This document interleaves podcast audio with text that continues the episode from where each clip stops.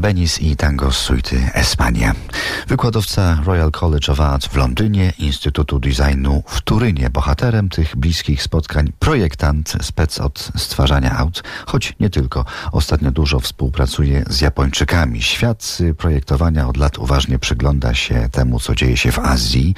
Wszak świat przedmiotów w większości zrobiony jest w Chinach. Z kolei Japonia w końcówce XX wieku wiodła prym w projektowaniu samochodów. Wracamy do tematu mentalność Azjatów z punktu widzenia projektanta. Bliskie spotkania RMF Classic. Z projektantem Januszem Kaniewskim rozmawia Dariusz Stańczuk.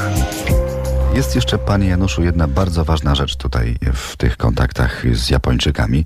Mianowicie, jeśli chodzi o wyciek informacji y, na temat danego projektu, chodzi o to, że Japończycy bardzo no, mocno reagują na coś takiego, prawda? No zwłaszcza, gdy chodzi o osobę projektanta.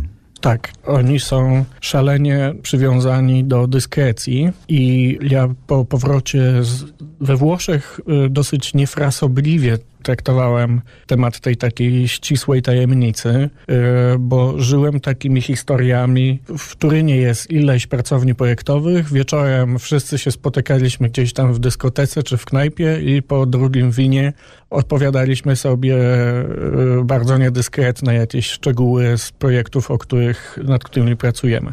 I nie wiem, przykładowa historia, że Alfa 156 premierę nieoficjalną swoją miała taki sposób, że na weekend jeden z modelarzy e, wziął taki zakamuflowany egzemplarz, który jeszcze nie miał prawa wyjechać z fabryki i pojechał nim na ślub swojej siostry gdzieś tam w góry.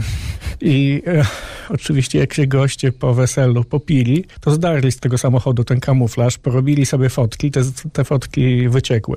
Modelarza wyrzucili z pracy, ale myśmy mieli z tego jakby zabawę.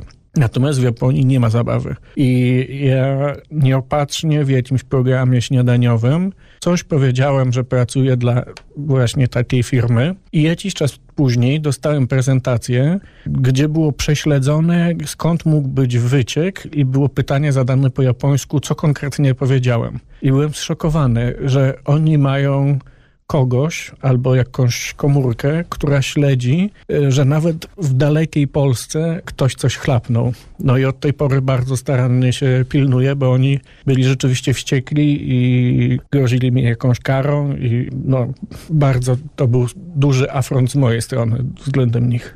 Kraj kwitnącej wiśni opuszczamy, kierunek Polska obieramy już za chwilę. Janusz Kaniewski w bliskich spotkaniach RMF Classic.